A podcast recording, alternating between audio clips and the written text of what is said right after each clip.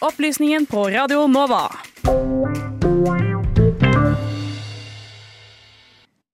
Nei, nei, nei.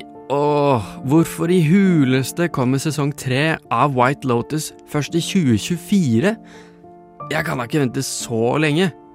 Utrolig, utrolig irriterende. Ugh. Jeg tror ikke Benjamin er den eneste som synes dette er ganske så frustrerende. En haug av serier og filmer har blitt satt på vent i USA. Men hvorfor det egentlig? Jo, det er nettopp det jeg skal forklare deg de neste fire minuttene.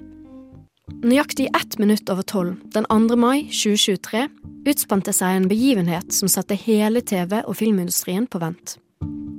Writers Guild of America, fagforeningen som representerer de fleste av Hollywoods mannsforfattere bak dine favoritt-TV-serier og filmer, gikk nemlig til streik.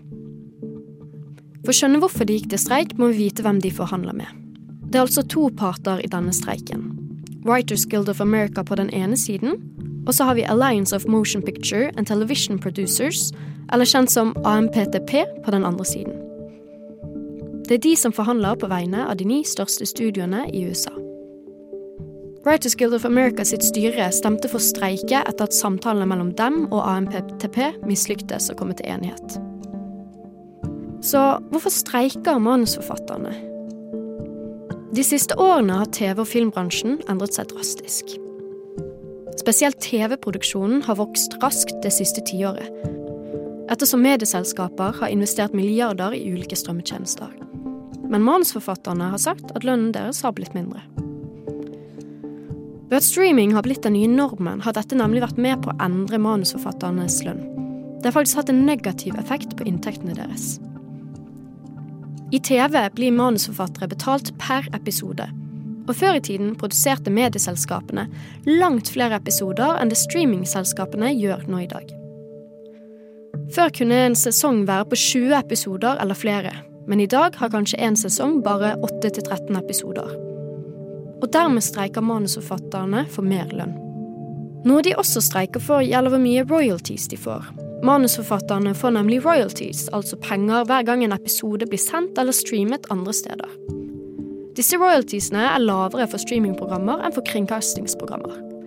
Og det kravet som forklarer hvor mye royalties manusforfatterne skal få utbetalt, ble bestemt for ganske lenge siden, egentlig akkurat når streaming begynte å bli populært.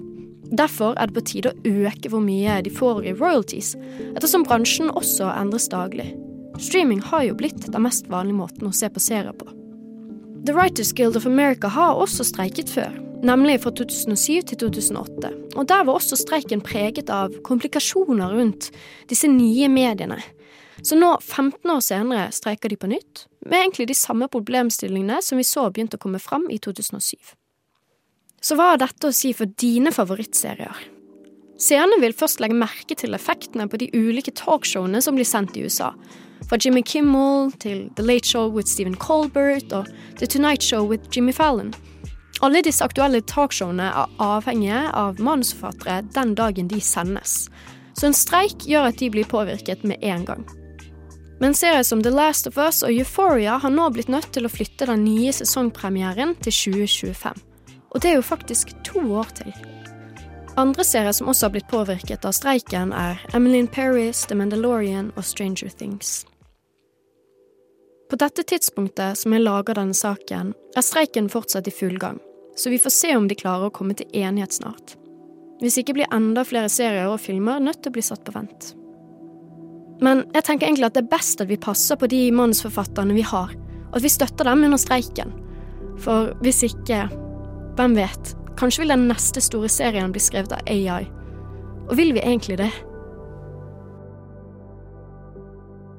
Det er et godt spørsmål. Eh, Medvirkende i denne saken det var Helena Schrøder.